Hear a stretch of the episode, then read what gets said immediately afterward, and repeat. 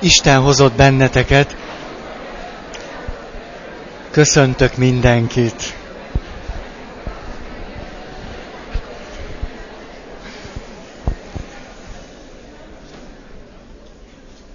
Nézem, hogy a többség ott ül, ahol szokott. Ez megnyugtató.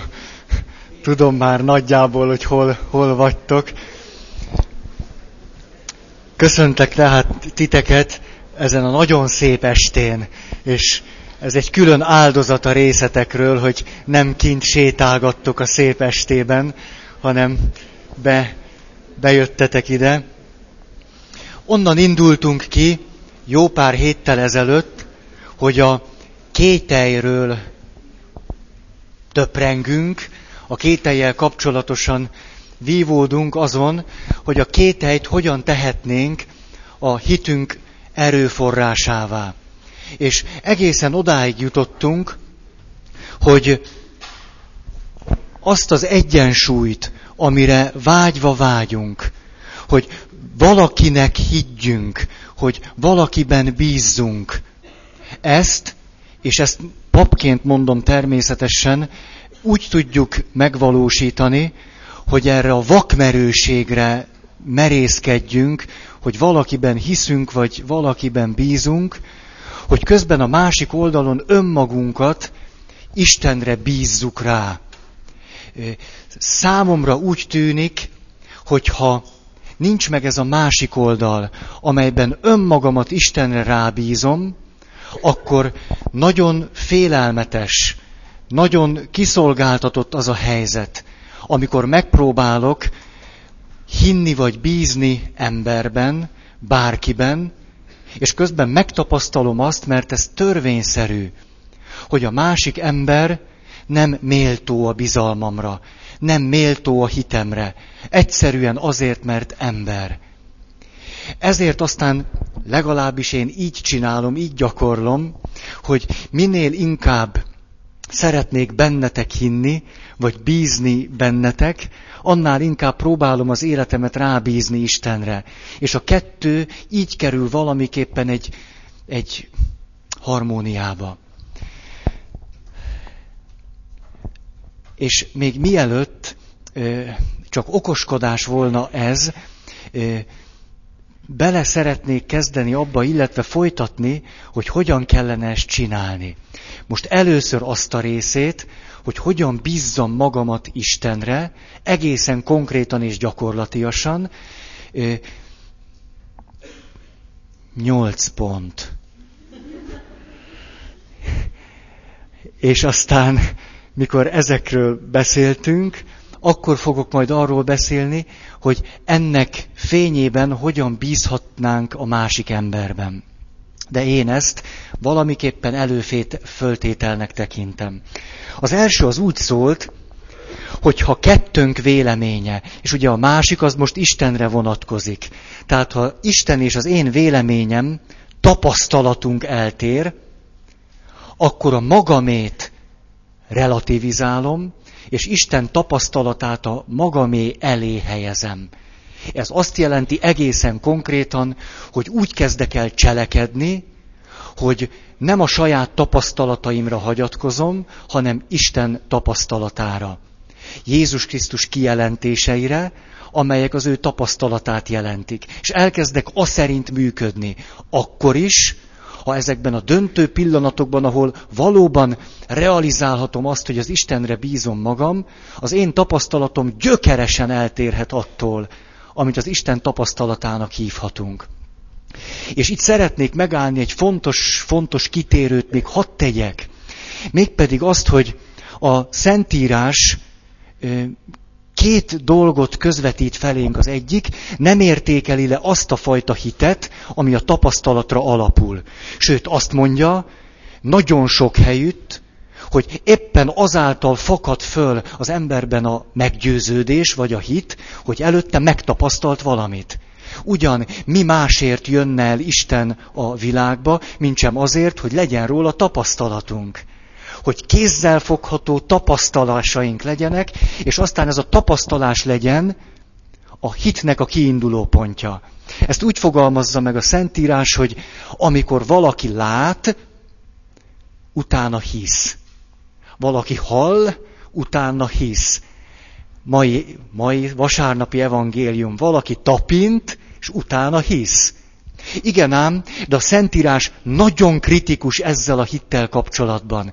Éppen az a Szentírási szakasz, amire hivatkoztam néhány héttel ezelőtt, hogy vízhangos lett, ugye? Nem? De. De. Na, hogy Szóval pont az a rész, amiben arra hivatkoztam, hogy Jézus nem bízza magát rá az emberekre, miközben az emberek, akik tapasztalják, látták mindazt, amit Jeruzsálemben tett, elkezdenek Jézusban hinni. Ennek a történetnek most a szempontunkból van egy nagyon izgalmas momentuma, mégpedig az, hogy Jézus kifejezetten mondja azt, ez az ő tapasztalata, hogy egy olyan emberre magamat rábízni nem érdemes, akinek a hite még kizárólag a tapasztalatra alapul. A hitnek, természetesen a filozófusok beszélnek erről, a kiinduló pontja a tapasztalat. Igen ám, de egy idő után ez kevés, mert egy idő után az történik velünk, hogy állandóan leckésztetjük Istent. Vagyis mindig azt mondjuk neki, hogy most akkor kérek szépen egy első osztályú tapasztalatot arról, hogy érdemes a következő lépést megtenni. Általában megszoktuk határozni a jó Istennek, hogy mit kell csinálnia, hogyan kell viselkednie, mit kell nekünk mutatni ahhoz, hogy mi kegyeskedjünk ezt tapasztalatnak venni, majd utána a következő lépést megtenni. Ezért az a hit, amely mindig egy tapasztalatra akar csak alapozni, az még csak a hitnek a gyönge formája, még csak az eleje.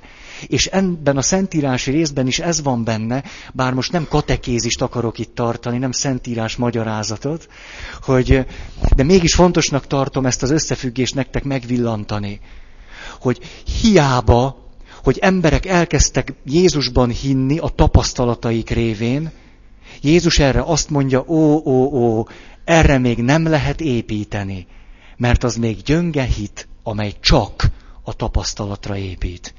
És akkor itt jön ennek a dolognak a párja, hogy van olyan hit, amely megelőlegezi a tapasztalatot.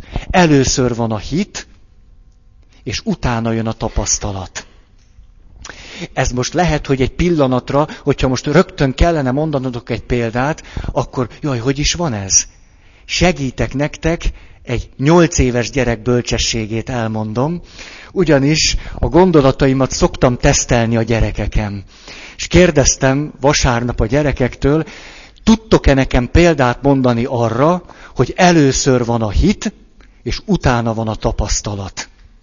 Körülbelül tíz másodpercet kellett várni, jelentkezett egy kisfiú, a következőt mondja.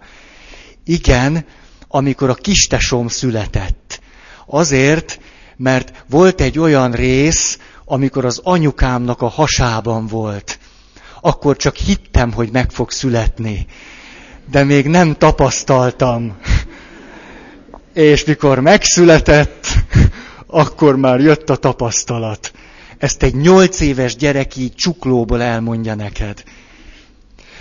Ténylegesen ez a történet, mondtam is neki, hogy jaj, de jó, hát ez még a látással is összefügg. Hogy igen, még nem látom, de hiszek. És aztán a hitem nyomán később jön a látás. Ugye ezt aztán egy apuka hozzátette, hogy na, azt a gyereket nem csak látjuk, szagoljuk is. igen, egy árnyal tapasztalat ez, de a hit előlegezte meg. Ezért tulajdonképpen beszélhetnénk a hitről úgy, mint megelőlegezett tapasztalatról. Ez nekem úgy megtetszett, én találtam ki. Majd, hogy a hit egyenlő, megelőlegezett tapasztalat. A kettő tehát egymás mellett párhuzamosan is futhat, kiegészíthetik egymást, átjárhatják egymást. Látok és hiszek, illetve fordítva hiszek és látok. A hit ott kezd igazán elmélyülni, amikor előbb van a hit, és utána a tapasztalat. És az első gondolatomban éppen ezt fogalmaztam meg, hogy a kritikus pillanatokban hajlandó vagyok először hinni. És a hitemben benne van az, hogy remélem a későbbi tapasztalatot. Ez volna tehát az első gondolat, és aztán eszembe jutott valaki, aki a kételyt a filozófiájának alapjává tette. Nem is értem, miért csak most jutott eszembe, de most szeretnék rá hivatkozni. Descartes válogatott filozófiai művei, ugye ő azt mondja, cogito ergo sum, kételkedem, tehát vagyok, Ugye ezt tudjátok, hogy nem gondolkodom, kételkedem. A kogitó azt jelenti, hogy kételkedem. Tessék? Jó, jó. Így szól ez, mondom nektek. Most itt párbeszédes formában fejti ki a, a tanítását. Újkori filozófia. Most itt az ideje, amikor arra kell figyelnie, milyen következtetéseket akarok levonni. Szia, Eszter! Ezt most nem bírtam ki. Ön látja ugyan, hogy joggal kételkedhetik mindazokban a dolgokban, amelyeknek megismeréséhez csak is az érzékek útján jutott. De vajon kételkedhetik-e a kételkedésben? És kétségben lehet-e arra nézve, hogy kételkedik-e vagy nem? Erre a beszélgető társ. Valóban elismerem, hogy csodálattal tölt ez el, és az a csekély éles elmélyűség, amelyel némi józan értelmem jóvoltából rendelkezem, magával hozza, hogy minden ámulat nélkül látom magamat kényszerítve annak bevallására, hogy semmit sem tudok biztosan, hanem mindenben kételkedem és nem vagyok bizonyos semmiben. De mire akar ebből következtetni? Nem látom, mire lehet jó az az annyira általános csodálkozás. És épp így az sem, hogyan lehet az efféle kételkedés olyan elv, amelyet oly messziről kell levezetni. Hiszen ellenkezőleg ezt a beszélgetést ön abból a célból rendezte, hogy megmentsen bennünket kételjeinktől, és megismertessen az igazsággal erre a beszélgető. Figyeljen csak rám, és tovább fogom önt vezetni, mint gondolja. Mert elhatároztam, hogy ebből az általános kételkedésből, mint szilárd és mozdulatlan pontból vezetem le Istennek, önmagának és a világ minden dolgának megismerését. Erre a társ. Ezek valóban nagy ígéretek, és ha így áll a dolog, bizonyára megéri a fáradtságot, hogy teljesítsük kívánságát. Tartsa meg tehát ígéreteit, és mi is eleget teszünk a mieinknek. Mire a válasz?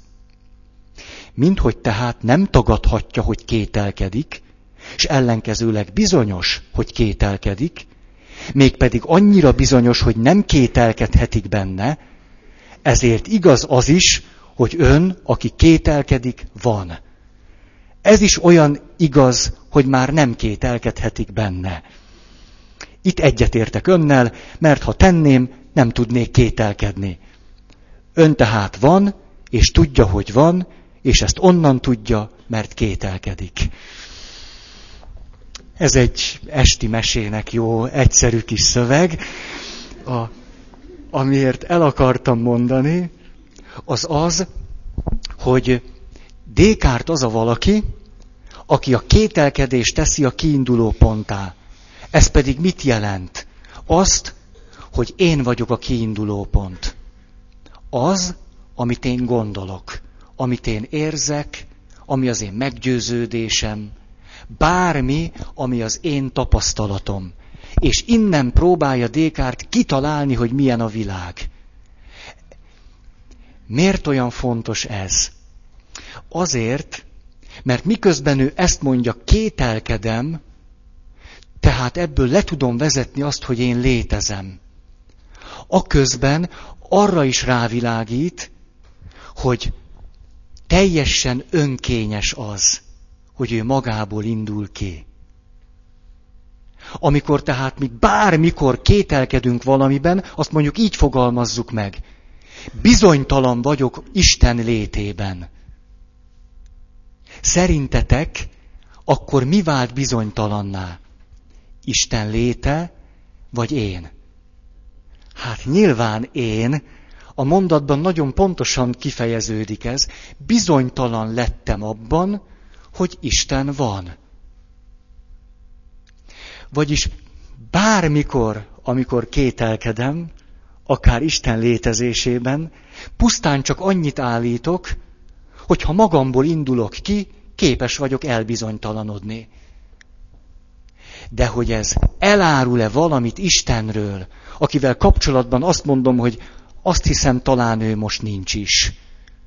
Ez szerintetek Istenről szól-e vagy rólam? Szerintem sokkal inkább szól rólam, mint Istenről. Hiszen épp ez volt a kiinduló pont, hogy induljunk ki a saját tapasztalatainkból. Azért akartam ezt idehozni, mert itt létezik ez a nagyon fontos megkülönböztetés, amit általában akkor, amikor elkezdünk kételkedni, sosem teszünk meg, hanem azt gondoljuk, hogy mi egyek vagyunk a kételjünkkel, és azt is gondoljuk, hogy a kételjünk arra vonatkozik, amiben kételkedünk. Közben nem, ránk vonatkozik, hiszen én kételkedem. Ez nagyon nagy különbség. És nagyon érdemes volna mindig, amikor kételkedünk, rögtön hozzátenni azt is, na jó, de tulajdonképpen magam kérdőjeleződök meg. Magamat tettem kérdésessé.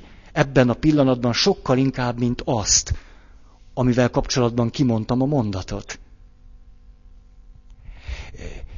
Érdemes ezen elvívódni.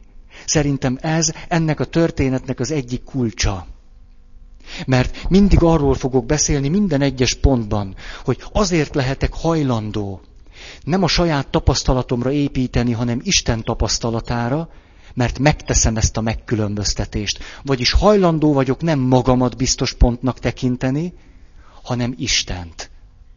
Tulajdonképpen erről van szó, hogy azt mondom, fölismerem, kiindulhatnék magamból is, de ez legalább annyira önkényes, mintha Istenből indulnék ki. Descartes hívő ember, jezsuiták tanítják, és a kételkedés éppen azért olyan fontos neki, mert szeretné lentről elindulva, magából elindulva bizonyítani Istent. Ő nem azért kételkedik, mert ez neki annyira szimpatikus, mert jól esik neki, hanem mert biztos ismerethez szeretne eljutni. És ami eddig evidens volt, hogy Isten felől induljunk el, és úgy alakítsuk ki azt, hogy milyen is a világ, ő ezt nem azért kérdőjelezi meg, mert nem hinne Isten létében, hanem sokkal inkább azért, mert azt mondja, ha már kaptunk észt az Istentől, akkor próbáljuk ezt meg lentről bebizonyítani, vagy lentről eljutni oda föl. Amiről tehát beszélek, annak a lényege tulajdonképpen az, hogy semmivel sem abszurdabb abból kiindulni, hogy Isten van, és amit ő mond, az igaz, mint abból kiindulni, hogy én vagyok, és amit én mondok, az az igaz. Mert mind a kettő, hogyha elég korrekt vagyok, azt kell mondanom, önkényes. Ezért aztán egyáltalán nem becsületesebb, és adott esetben nem is célra vezetőbb mindig abból kiindulni, hogy én vagyok. És hogy mit gondolok, és mit érzek, és mit tapasztalok. Mert ez is önkényes. Még egy, egy gondolat csak ide, hogy aztán egy kicsit játszottam a szavakkal, hogy ahogy azt mondja Descartes, hogy cogito ergo sum, mi mondhatjuk azt, hogy credo ergo sum, vagyis hiszek, tehát vagyok. És ezekben a pillanatokban, amikor magamat Isten kezébe ajánlom, mert rábízom magam, akkor tulajdonképpen ezt mondom, hogy hiszek, tehát vagyok. Ezzel együtt, ha tetszik, akkor tovább kételkedhetek magamban. Nem kell, nem kell föladnom a kételjemet. Csak ezt magam felé irányítom.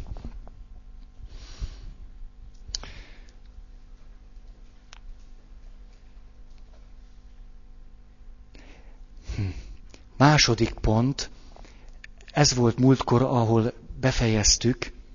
Tudom, hogy Isten üdvözíteni akar, és én hozzá tartozom. Akkor is, ha nem így érzek. Itt most megint szeretnék még néhány dolgot hozzáfűzni.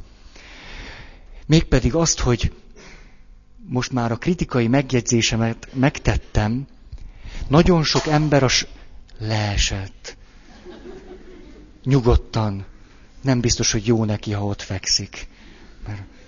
Szóval, hogy nagyon sok ember nem teszi meg a kritikai megjegyzést a saját érzéseivel vagy érzelmeivel kapcsolatosan, azt tekinti Istennek, abszolútumnak, abból indul ki, és abból próbálja levezetni az életét. Abból próbálja levezetni a cselekvését, a céljait és minden egyebet. Nem tudom, hogy mennyire biztosabb talaja az érzésem, mint az Isten. Ez nagy kérdés. Minden esetre eszembe jutott egy pár. Egy jegyes pár, akikkel évekkel ezelőtt találkoztam, és nagyon érdekes beszélgetést folytattunk. Azt mondja a, a menyasszony. Hát tudod, az az én nagy bajom, hogy hihetetlenül féltékeny vagyok a, a pasimra. Azért, mert nekem egy nagyon jóképű pasim van, és a, a jóképű pasim ö, szereti megnézni a, a jól kinéző lányokat és ezért én nagyon féltékeny vagyok rá. És akkor, akkor ez persze állandó balhézásokban ölt testet, és a legrosszabb benne az, hogy amikor a pasim megpróbál engem meggyőzni arról, hogy de hát hidd el, szeretlek téged, akkor én ezt nem hiszem. És hogy, hogy hát ez nekem nagyon rossz, mert ilyenkor azt szoktam mondani, hogy nem is igaz, mert aki ránéz egy másik nőre, az nem szeret engem. Én ezt nem hiszem el, ezt az érzést nem hiszem el. És erre a fiú azt mondja, hogy jaj, hát ez nem egy egyoldalú dolog. Tudod, én meg ilyenkor azt élem át, ahogy az én barátnőm, vagy kedvesem, vagy menyasszonyom azt mondja, hogy nem hisz nekem, én akkor elkezdek félni.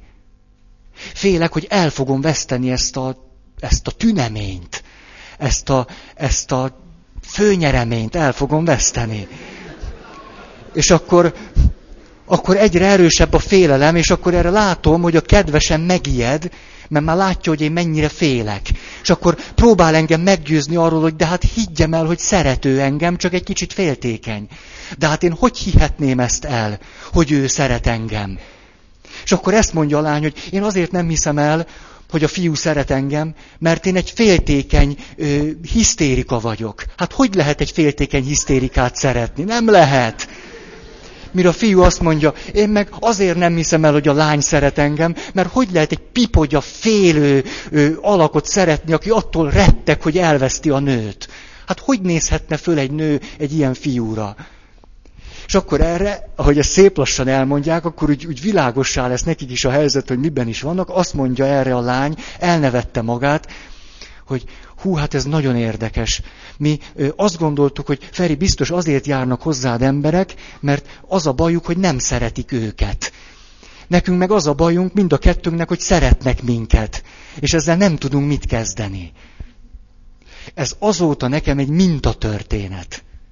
Mert az van benne, hogy hogy is vagyunk itt az érzésekkel, meg az érzelmekkel hogy elhisszük-e azt, hogy a másik szeret bennünket, vagy hogy én szeretek valakit.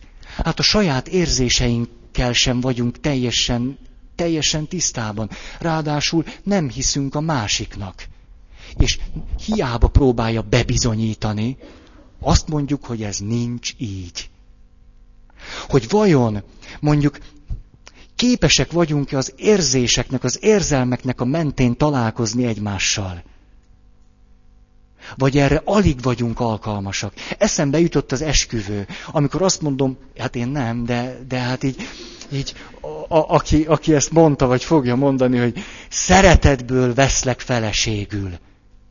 Szerintetek ebben a pillanatban az a lány ezt, ezt érzi? Érzi azt, hogy ő a, őt a fiú szereti? Most ez átmegy oda neki? Hát szerintem nem. Nem. Nem. Ezt egy, de nem tudom, nem, ha nektek átment, akkor, akkor nagyszerű pillanat. Szerintem nem nagyon megy át. Be vagy tojva, hogy el ne felejtsd a következő mondatot, most, és akkor tulajdonképpen annyit tehetsz, hogy hiszel. Hiszel ebben. Tehát azt mondta a fiú, nagyon szép csokornyakendő van rajta, öltöny, ismerős is valahonnan. Azt mondta, én téged szeretetből elveszlek. Hát mit tudom én, hogy ez hogy van? De hát elhiszem neki. És viszont is, hát mi másra épül ez? Most képzeljétek el, ott van a fiú, és azt mondja, hogy te én ezt most nem érzem, drágám, ne haragudj, várjunk most itt egy kicsit.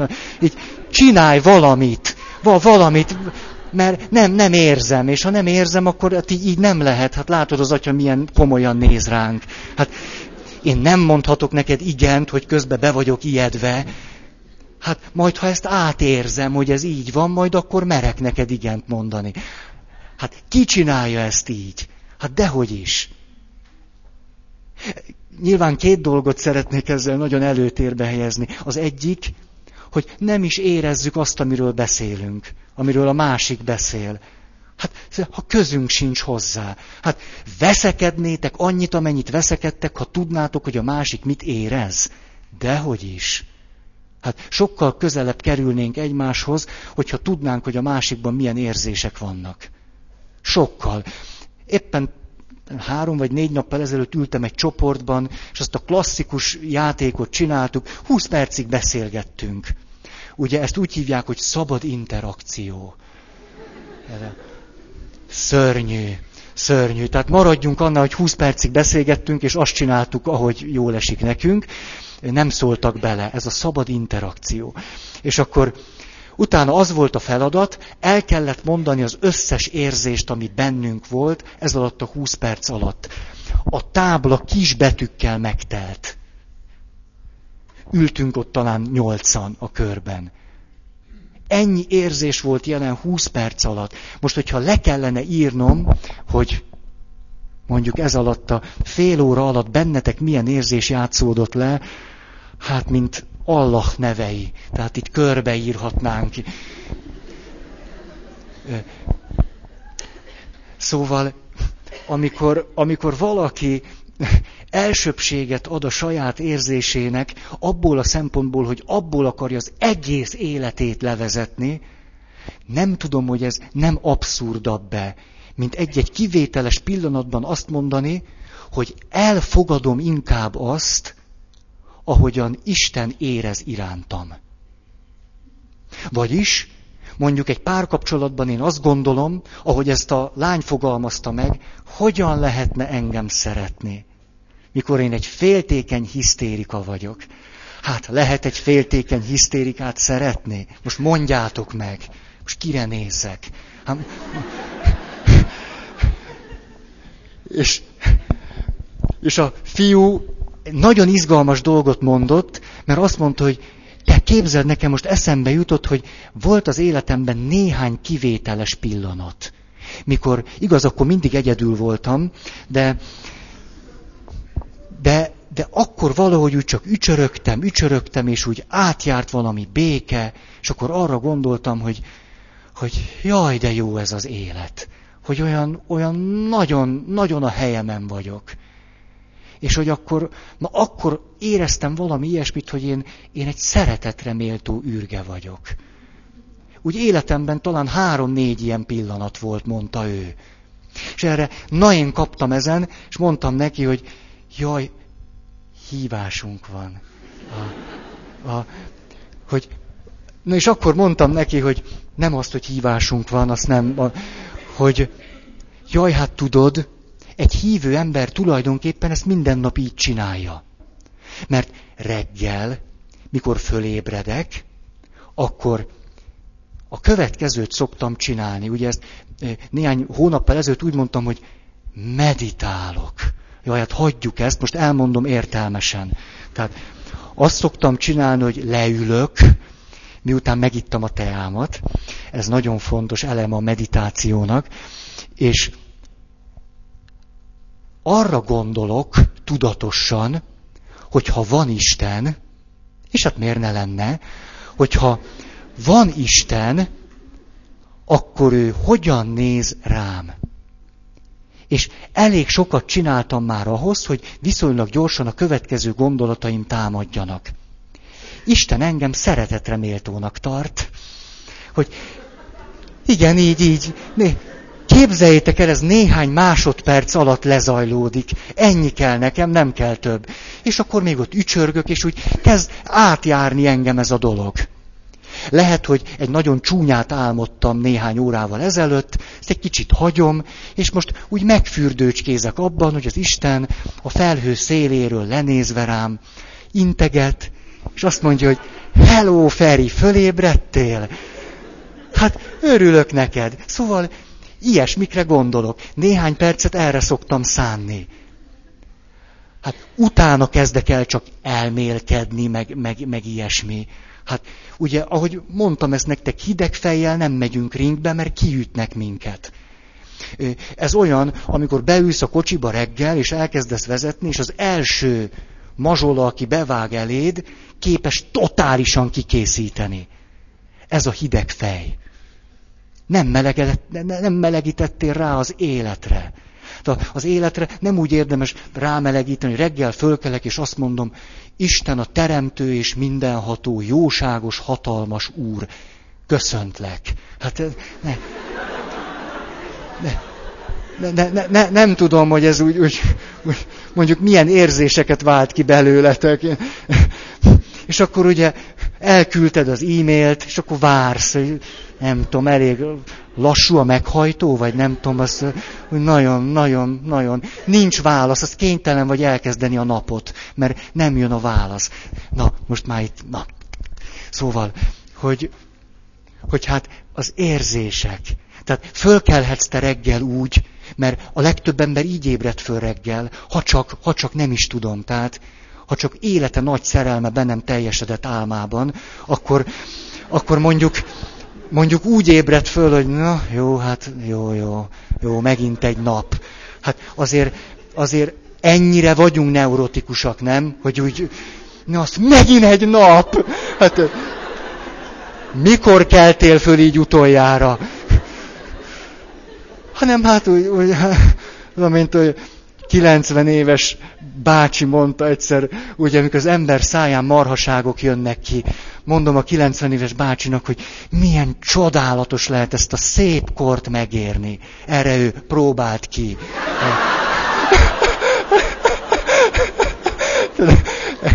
Ez volt az ő jó, ez volt a jó kívánsága, és a, tényleg a, tényleg, nem, azt hiszem a bemelegítésről jutott eszembe, mert azt mondja, tudod Feri, egy órába telik, míg bemelegedek, még így ráhangolódok arra, hogy még élek. Ezt mondta, hogy ez körülbelül egy órámba telik, míg úgy leesik a tantusz, hogy még nem vagyok odaát, hanem itt. Ugye ismeritek azt a mondást, hogy 60 év fölött mi van azzal az emberrel, akinek nem fáj semmije? 50 fölött?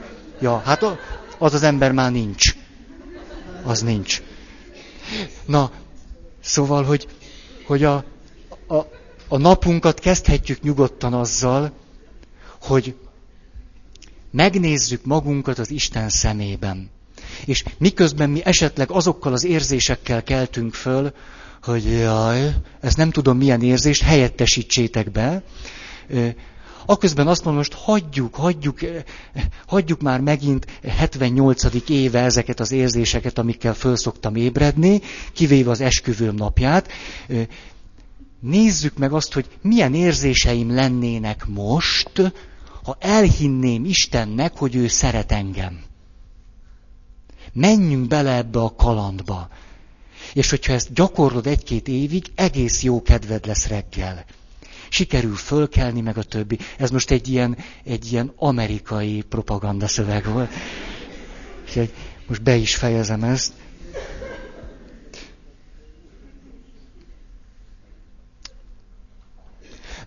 Azt hiszem, nagyjából próbáltam, vagy, vagy, vagy sikerült valamit ebből átadni.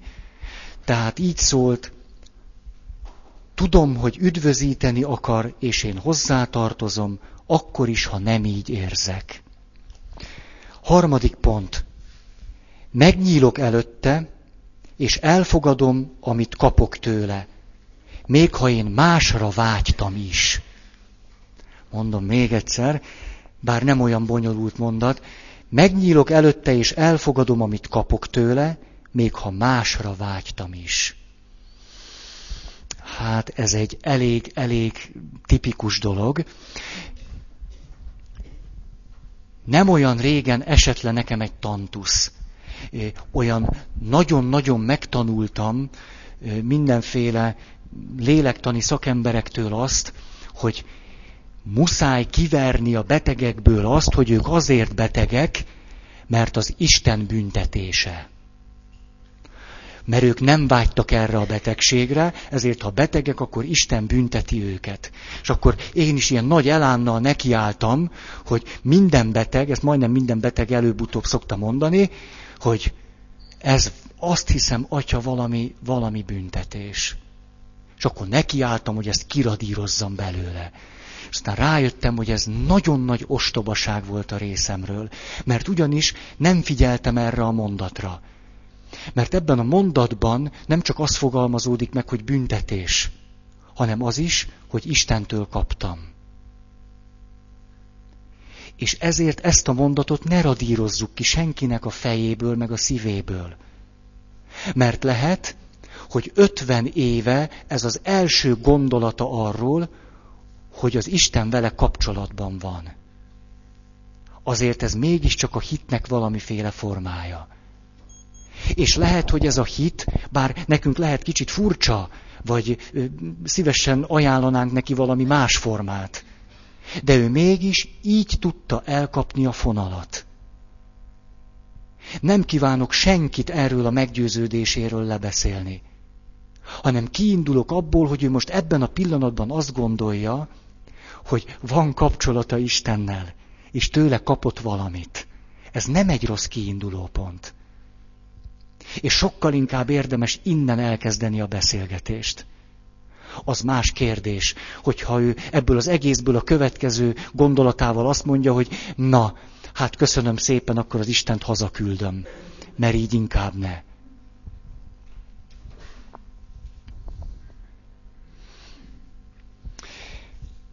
Azt is lehetne mondani, hogy amikor Isten kezébe helyezem magamat, bár valami olyasmit kaptam, amire nem vágytam, sőt talán az ellenkezőjére, akkor megtanulom szeretni és vágyni azt, ami van, amit kaptam tőle.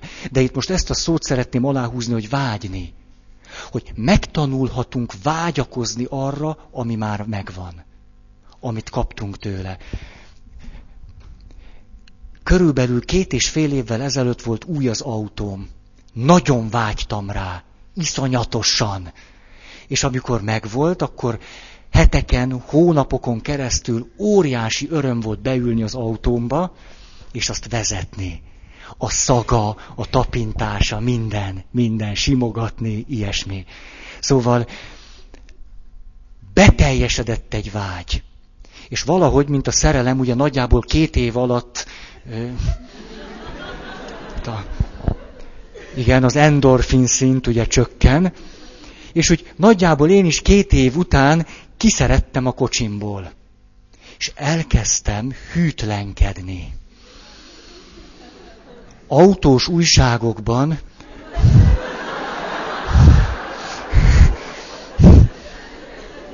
ki sem merem mondani, más kocsikra tekintgettem, bűnös vágyjal, hogyha nekem olyan volna, nem ez a kis rusnyadög. Ugye, mikor néhány hónapos volt, azt mondtam rá, tenger színű a kocsim. Mert tényleg zöldes-kék árnyalatokban pompázik, hogy rásüt a nap. Ugye, három, két és fél év eltelt, rusnya béka, zöld vagy. És akkor ott ültem a kocsimba, és már nem örültem neki. Nem, nem vágytam rá, kocsi, kocsi. És ekkor tudatosult bennem, látjátok, nem is kell ehhez nő. Nem kell, nem.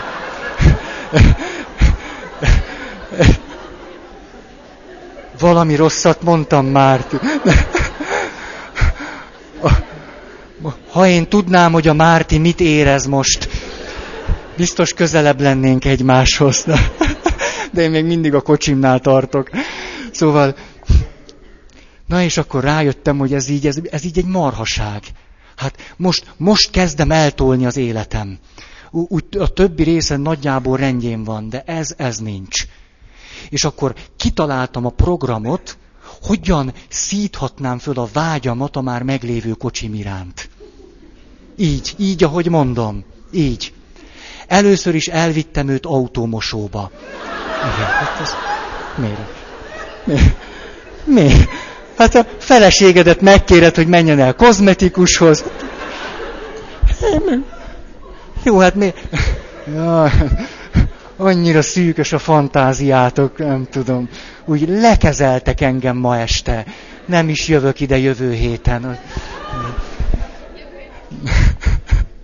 Na, szó... Na, szóval megtanulni, vágyni arra, amit már megkaptunk. Még ha úgy gondoljuk, hogy ez egy rusnya béka is. Nem gondoltam most párkapcsolatra, semmi ilyesmire.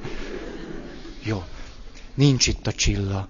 Azóta se tudtam neki elmondani a múltkorit. Na mindegy. Megint a gyerekek bölcsességét hagy mondjam. A teszt a következő kép zajlott. Azt mondtam nekik, képzeljetek el egy helyzetet, iszonyú éhesen mentek haza a suliból. Nagyon éhesek vagytok, és hogy mentek haza, a fantáziátokban megjelenik egy csokoládés palacsinta. És egyre nagyobbá válik. Egyre csurog belőle a csoki. Mentek haza, vacsoráztatok már.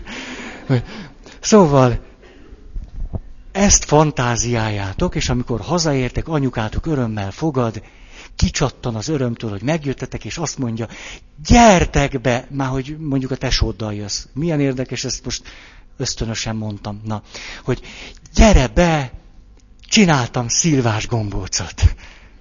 Na ez az a pillanat, amikor a hited összetörik. Mit kell ebben a helyzetben csinálni? Ezt kérdeztem a gyerekektől. Mi segít neked abban, hogy tudjál örülni a szilvás gombócnak? És erre az egyik gyerek jelentkezik, és azt mondja, hogy hát hogy, hogy mit kell csinálni? Hát semmit nem kell csinálni, meg kell lenni a szilvás gombócon. Ugye én még nem értettem, hogy ő már megértette, hogy ez nem ilyen egyszerű helyzet, hogy nekiesek a szilvás gombócnak. Hát te nem szilvás gombócot akartál lenni, hanem csokis palacsintát. És erre azt mondja, hogy hát az igaz, hogy azt akarta menni, de hát ezt is az anyukám csinálta.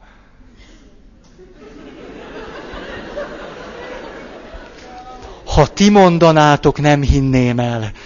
De a, a kis Krampusznak elhiszem, mert ő ezt komolyan gondolta. Na hát valami ilyesmiről van szó.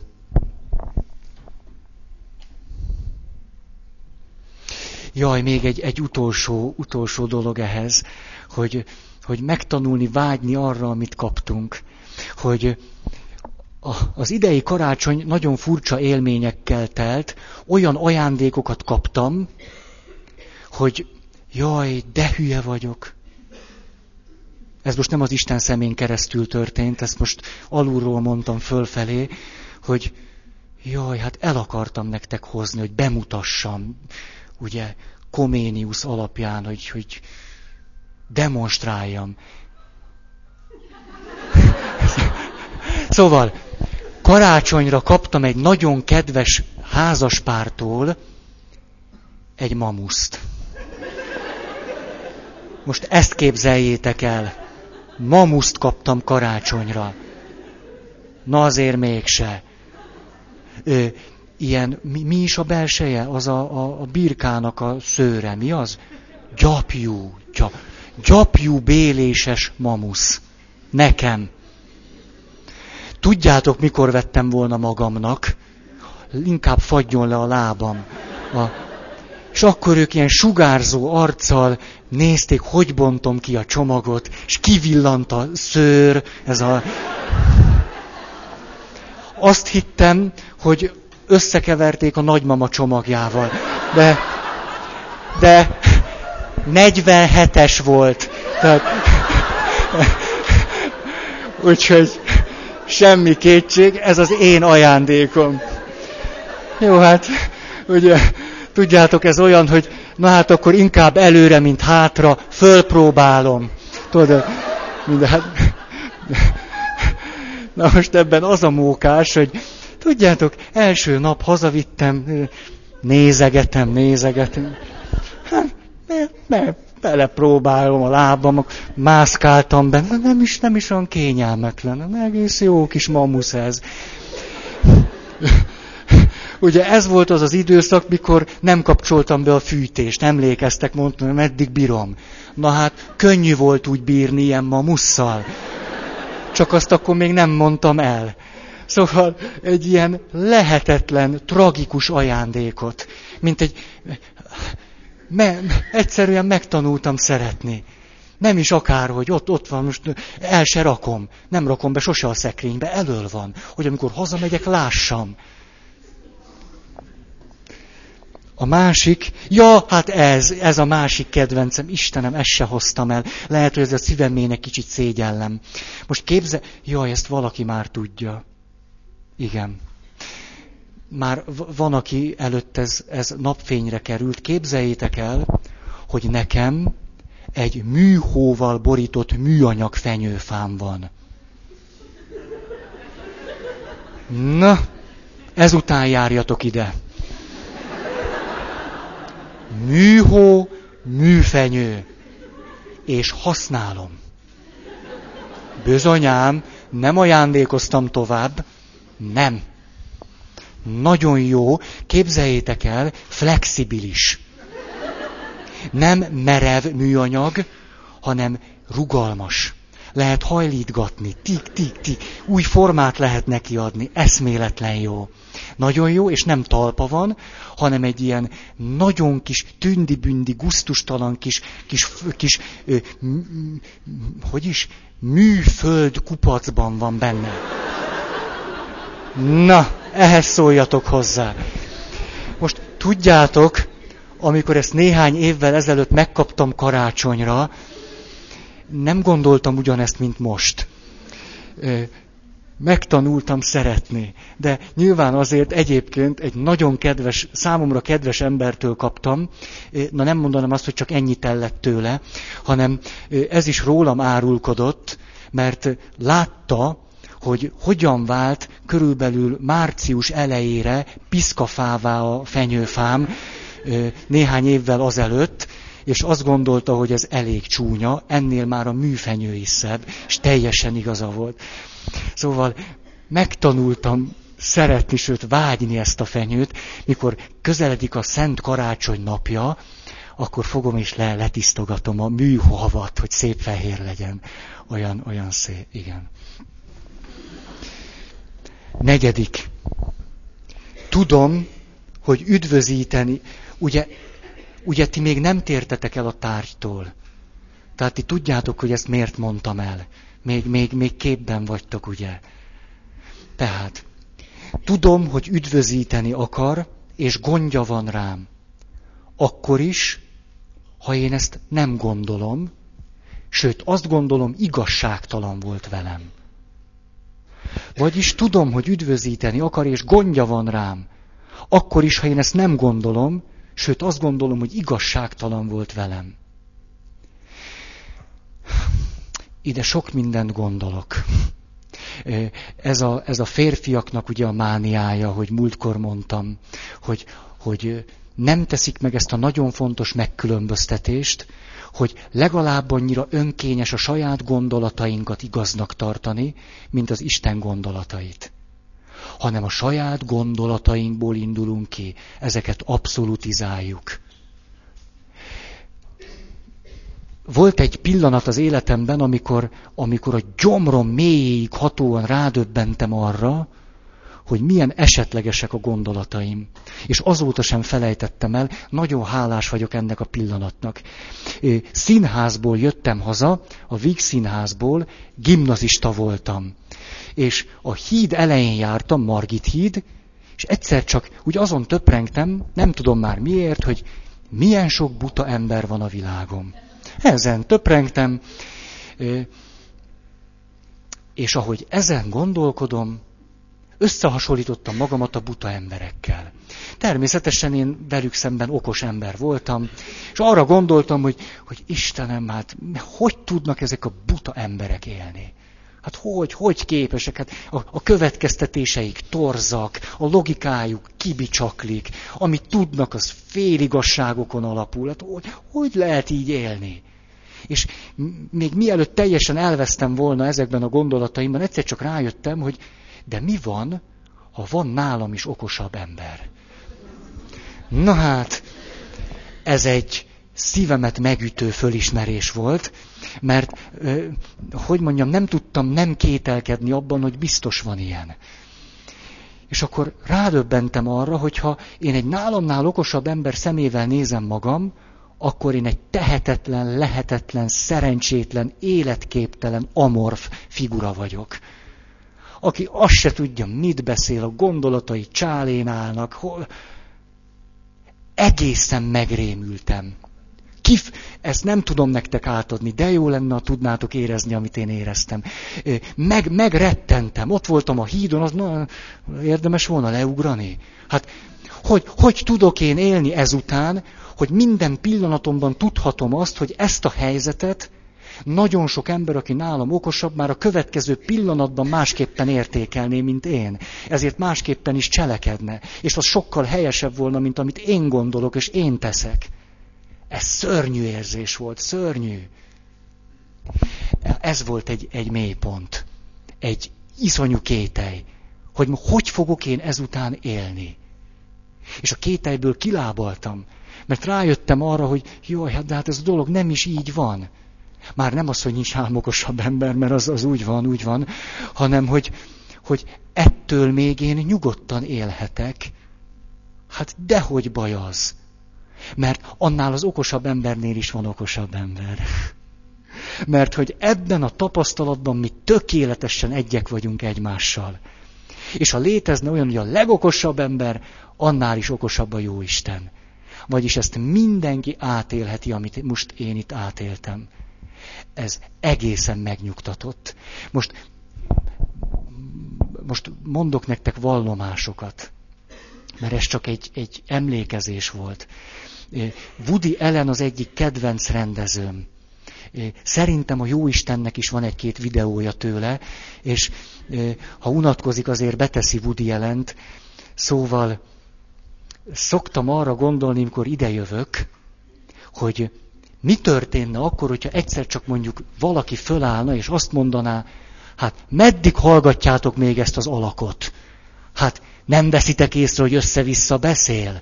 Hogy sületlenségeket mond?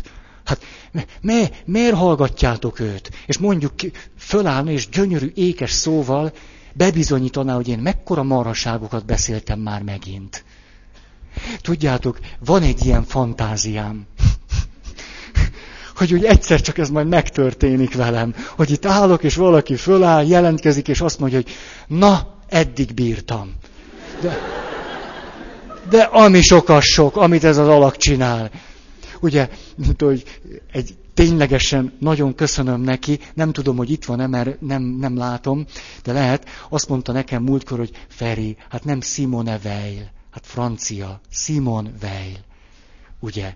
Tehát még ezt a nevet sem tudtam rendesen kiejteni. De teljesen igaz, köszönöm neki, nem azért mondtam, hanem azért, hogy hát lehetetlen, hogy akár pillanatról pillanatra ne tegyük meg ezt a, ezt a, ezt a kört magunkkal kapcsolatban, hogy jó, jó, most éppen ez az én nagy meggyőződésem. Na és aztán. Hogy ne, nem, nem ére nekem többet az, hogy mi az Isten meggyőződése rólam, mint hogy mi az én meggyőződésem róla. Hogy nem fontosabb az, hogy Isten hogy gondolkodik rólam, vagy mit gondol a világról, mint hogy én hogy gondolkodom ő róla. Hát ezek lehetnek a kivételes pillanatok, mikor azt mondom, hogy jaj, hát miért volna nekem igazam?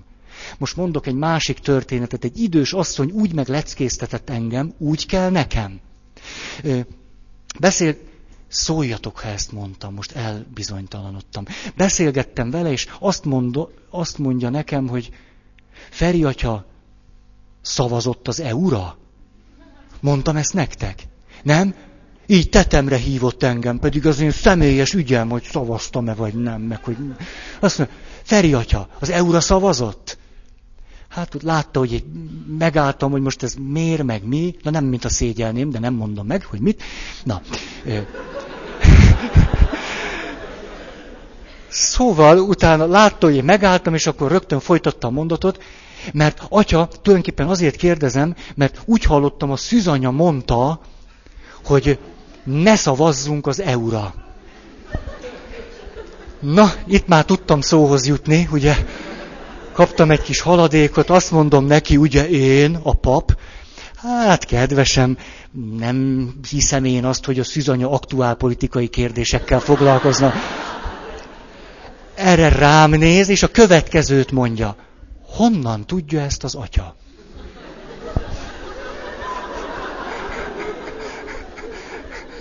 És ő neki tökéletesen igaza van. Erre csak annyit tudtam mondani, igazad van, nem tudom. Hát honnan tudhatnám? Fogalma, hát lehet, hogy azzal is foglalkozik. Miért? Most már ráér, megtette a maga dolgát.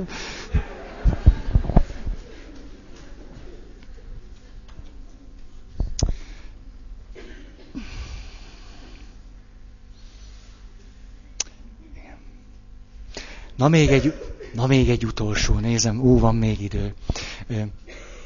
Megyek haza, kedves ismerősöm a következőt mondja. Te Feri, most már évek óta hallgatlak téged, igazából nem is tudom, hogy miért. De nem hagyta itt abba, mert akkor tudjátok, akkor még úgy tudtam volna valahogy hazamenni. De nem, folytatta, hát mit neki? Azt mondja, mert tudod, Feri, Igazából te nem is vagy okos. Hát nem is értem. Meg tulajdonképpen nem is vagy annyira művelt. És így mondott három-négy ilyet még, a többit elfelejtettem. És akkor nem elég, hogy megadja nekem a kegyelemdöfést, mint a bikának, még utána rám néz, hogy na, agóniámban mit mondok erre. Hát mondjuk Na, szóval azt mondtam neki, hogy tudod, neked teljesen igazad van. És az volt a szerencsém, hogy tényleg ezt gondolom. Hát, hát egy papocska vagyok, és kész. Ennyi. És ez ö, olyan, olyan jól esik nekem, mikor, mikor képes vagyok megtenni ezt a fontos megkülönböztetést. Hogy tudjátok, mikor elmegyek innen, akkor belső magnót lehallgatom, és mondom, Istenem, mekkora marhaságot mondtam. Jaj, azt nem úgy kellett volna, jaj, hanem máshogy, meg az összes ilyesmi. Hát alig van alkalom, mikor úgy megyek haza, hogy na, na, jó, ez egész jó volt. Azért volt egy pár. Na jó.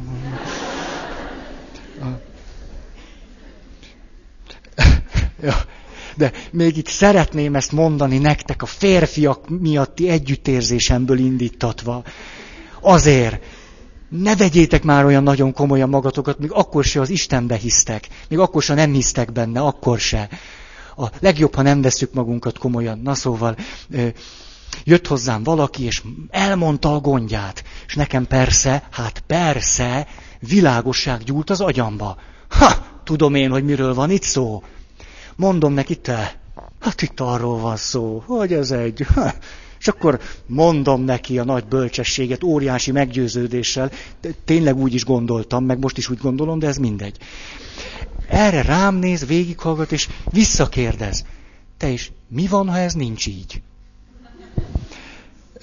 Azt szaladt ki belőlem, akkor tévedtem. És a, de ebben a helyzetben az volt a jó, hogy tulajdonképpen ez lett a beszélgetésnek a kulcsa. Mert addig, tudjátok, ő jött a nagy problémával. Én meg voltam a nagy varázsló. És akkor, na most varázsoljál, Ferenc atya. És akkor Ferenc atya meg be lépre ment, én varázsoltam neki egy, egy teóriát. És amikor ő azt mondta, hogy, hogy és ha ez nincs így, akkor szűnt meg a varázs, akkor szűnt meg ez a marhaság, hogy neki van egy nagy problémája, amit nem tud egyedül megoldani, én meg vagyok a nagy fekete varázsló, és akkor én majd most ezt elmondom neki. Megszűnt ez a marhaság, és elkezdtünk emberként beszélgetni. Hát innen, innentől gyorsultak föl az események. Addig még kerülgettük egymást, hogy kliens, pap, pap, kliens, nem? Hogy, hogy, hogy tudunk elhajolni.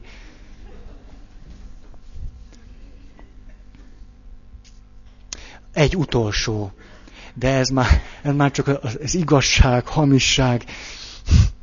Most megint cikizni fogom magam. Tudjátok én mit csinálok? De honnan tudnátok? De ö, most két dolog is eszembe jutott. Az egyik, amit akartam mondani, a másik, ami nem. Ö, most ha ha becsületes vagyok, akkor azzal kezdem, amit nem akartam mondani. Na hát akkor mondom is, hogy megfordulok, úgy mondom, ne, ne, ne nézzetek rögtön az arcomba, de mindegy, mondom, most már eszembe jutott. Képzeljétek el, van egy rossz szokásom, hogy az orromat szoktam piszkálni autóvezetés közben. Ezt nagyon előszeretettem. Nagyon, nagyon. És akkor szeretek igazán vezetni, hogyha jön a levegő. Az. Az, és akkor, akkor lehet igazán előzni. És tudjátok azért, azért az, amikor kéne két kézzel fogni a kormányt, neked meg az egyik kezed máshol van. A... Na jó, szóval, na ez az orr. De nem ezt akartam, nem, mit is akartam? Ja, igen. Jó, azt akartam mondani, hogy jön hozzám valaki, a következőt mondja, ez egy, hogy egy atya szokta mondani, a Fiji szigeteken játszódott, ugye, tehát ez egy gyónás történet, azt mondja, ja, nem is, nem, tudom már miért akartam, azért akartam mondani, hogy tudjátok a cikit. A ciki az, hogy a két évvel ezelőtti előadásomat szoktam olvasgatni. Ezt képzeljétek el még élvezem is ráadásul, de, de mondjuk azért szoktam olvasgatni, mert egy csomó mindent el szoktam belőle felejteni. És annyira jó, el András, nagyon köszönöm, Márti, nagyon köszönöm. A, és a két évvel ezelőtti dolgokból jutott eszembe, már nem eszembe jutott, elolvastam. Ez annyira jó, ezt muszáj elmondanom, hogy azt mondja nekem valaki a gyónásban, a szavak átrendezésével bűnt követtem el. Hazudott? Így is lehet mondani. Ez,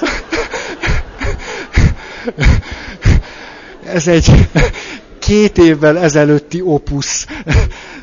Szó, szó, na, hogy, hogy szabad a saját világra szóló gondolatainkat relativizálni. És azt mondani, hogy mi lenne, ha kiindulnánk abból, amit az Isten gondol. Ez volt tehát a, a negyedik szempont. Az ötödik. Hűséges hozzám, és kitart mellettem, még ha én nem is vagyok ilyen. Tehát hűséges az Isten hozzám, és kitart mellettem, még ha én nem is vagyok ilyen, vagyis nem vagyok olyan, mint ő. Ez azt jelenti, hogy igen gyakran abból a tapasztalatból indulunk ki, hogyha Dékárt nyomán élünk, hogy egy biztos pont van én. És ebből aztán könnyen az következik, hogy a saját képünkre és hasonlatosságunkra formáljuk Istent. És azt gondoljuk, hogy ő is olyan kutyaütő, mint mi. De ez nem így van. Igen gyakran figyelem azt meg, hogy emberek nem tudatosan az Istent olyannak képzelik el, mint ők maguk. Egy kicsit rosszabb kiadásban. Nem csoda, hogy nem szívesen bízzák rá magukat. Az Isten nem olyan, mint mi, kétszeres szorzóval. Nem. Nem. Tehát felejtsük el ezt, hogy, hogy az Isten mennyiségileg halad meg minket. Nem, nem kövér vagy ilyesmi, hanem más. Más. És ezt olyan jó néha tudatosítani, hogy én ebben a helyzetben így és így csinálom, de ő nem. És ez a szerencse. A szerencsét idézőjelbe teszem. De jó, hogy ő nem. Igen, gyakran más sem teszek, mint hogy leülök és átgondolom, hogy Isten ezt hogyan csinálta volna másképpen. És persze aztán rájövök, hogy mit tudom én. De azért mégiscsak jó legalább valahova eljutni.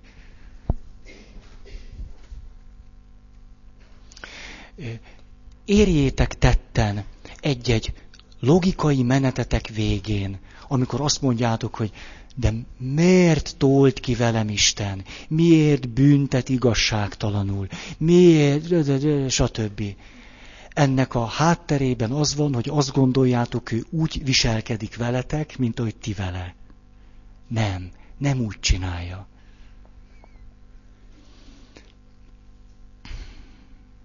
Igen, az utolsó mondat csak ide, számíthatok rá. Ilyen egyszerű. Ő nem számíthat rám, vagy nem mindig, de én mindig számíthatok rá. Hatos pont. Tudom, hogy Isten vezet, en... Isten vezet engem, még ha úgy tűnik is, távolodok a célomtól.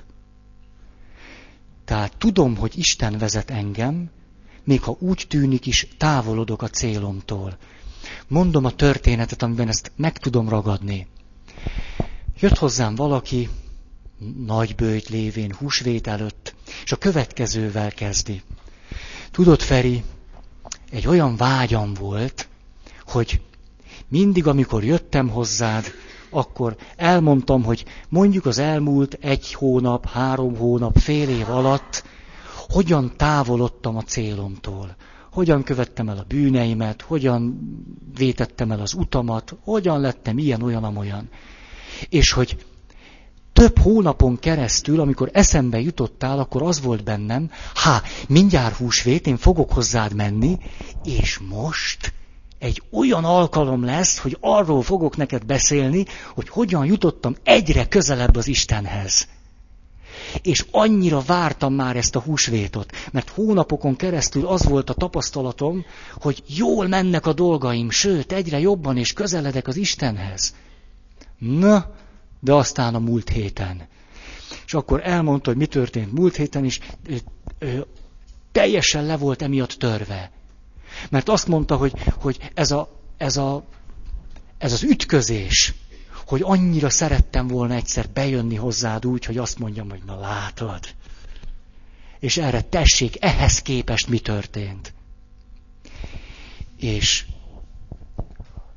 akkor ugye, miután ez egy gyónás, akkor történt az, ami kézzelfogható bizonyítéka annak, hogy amikor az ember azt gondolja, hogy a legmesszebb van a céljától, amit el akart érni, vagyis hogy az Isten legyen hozzám olyan közel, amilyen közel csak lehet, és én most pontot tettem a bűneim lajstromának a végére, na hát ennél messzebb már nem lehetek. És ez az a pillanat, amikor jön a föloldozás. Vagyis az ember furcsa módon a gyónásban meg is élheti azt, hogy amikor azt gondolom, ilyen messze már nem lehetek Istentől, mint most, akkor vagyok hozzá a legközelebb. Erről szól az a történet, hogy kihez van közelebb Isten. Ahhoz, aki bűnös, vagy ahhoz, aki igaz. És a válasz úgy hangzik, ahhoz, aki bűnös. Azért, mert a az embert összeköti egy fonál az Istennel. És amikor bűnt követünk el, akkor ez a fonál elszakad. És amikor Isten megbocsát nekünk, akkor összecsomózza ezt a fonalat. Ezért minden egyes föloldozás után egyre-egyre közelebb kerülünk, kerülünk hozzá. Miközben lehet, hogy mi azt éltük meg magunkról, hogy egyre-egyre újból és újból messzebb kerültem tőle. Mi lehet, hogy innen úgy látjuk, az Isten nem így látja, hanem úgy látja, hogy már megint nagyon közel vagy hozzám.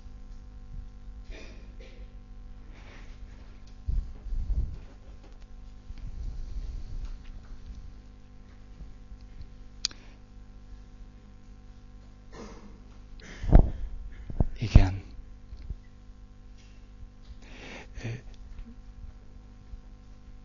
Na jó.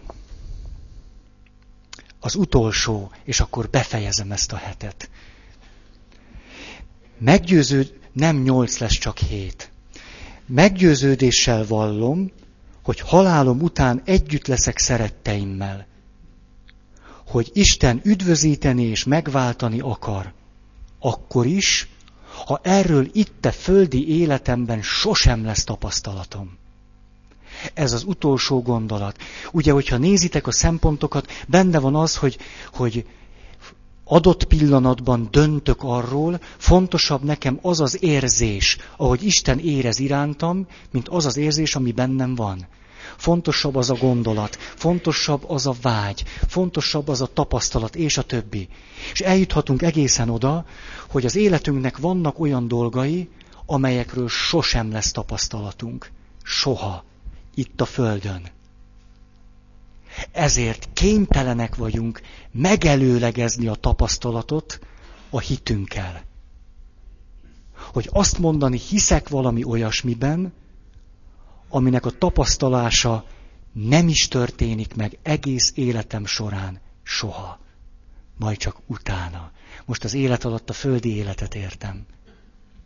Ez tulajdonképpen a, a hitnek valamiképpen a, a centruma. Nem véletlen, hogy a kereszténység centruma húsvét és a föltámadás. Hogy ha én Krisztus hívő vagyok, akkor az én hitemnek a középpontja egy föltámadt Krisztus. Nem a történeti Jézus. A kettő persze ugyanaz. De mégis a hitem középpontjában egy föltámadt valaki van, akivel kapcsolatban így egy az egyben tapasztalásom sose lesz. Soha. Ha előveszünk hittankönyveket, nem tudom, titeket kielégíte az, hogy a föl, most csak mondom, hitünk és életünk című tankönyv. A föltámadt Krisztus köztünk van az oltári szentségben. Ez egyfelől igaz, pontosan így van. Másfelől nekem nem mondja senki azt, hogy ez az a fajta tapasztalás, amire vágyik. Mert nem az. Hát a gyerekeknek, az első áldozó gyerekeknek adok átváltozás előtti ostját, hogy nehogy csalódjanak. Hogy kapják be, egyék meg, érezzék, hogy milyen. Mert ugye elmondom neki azt, hogy te az első áldozáskor a föltámadt Jézussal fogsz találkozni.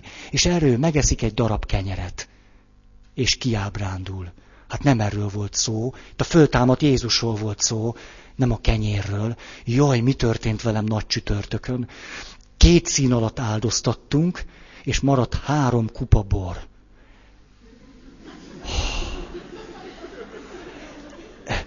Krisztus véreként marad, de tudjátok, abban is van alkohol.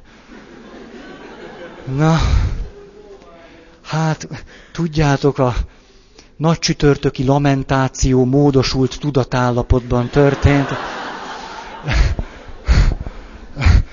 Nagy pénteket másnaposan töltöttem, bár ugye, hogyha ezt a föltámadással akarnám párhuzamba hozni, az, az nagy péntekről nagy szombatra történt egy ilyen más naposság, egy ilyen, hát szóval érdekes húsvétom volt. Na most ezt azért mondom, hogy, hogy ugye ez az egyik válasz a másik. A föltámadt Krisztussal találkozunk a közösségben. Ez így van. Na de azért mégse úgy. Azért, szóval azért bírnám, hogyha már most le, lehetne valami ilyen, ilyen igazi sztori. Azért az jó lenne. És mondhatnánk ezt egymás után. A föltámadt Krisztus ott lakik a szívem mélyén, és találkozhatok vele. Igaz. Ehhez tapasztalat is társulhat. Na jó, na jó. De azért ez mégse az a tapasztalat. Tehát a, a, a hitnek valamiképpen aztán a vége az, hogy hiszek valami olyasmiben, aminek a tapasztalása nem is történik meg földi kereteim között. Csak oda át. És ugye ez már valóban totálisan hitkérdés ebben a pillanatban.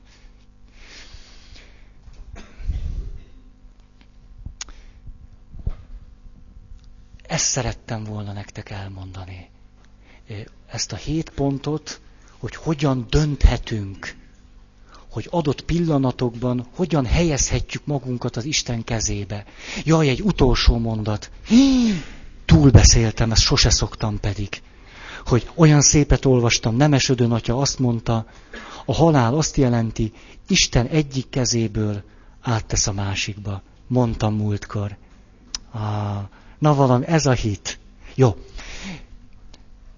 Jövő héten, hát lenni leszünk, leszünk, úgy szoktunk, nem leszünk, hát leszünk, csak ne gyertek, két hét, két hét múlva találkozunk.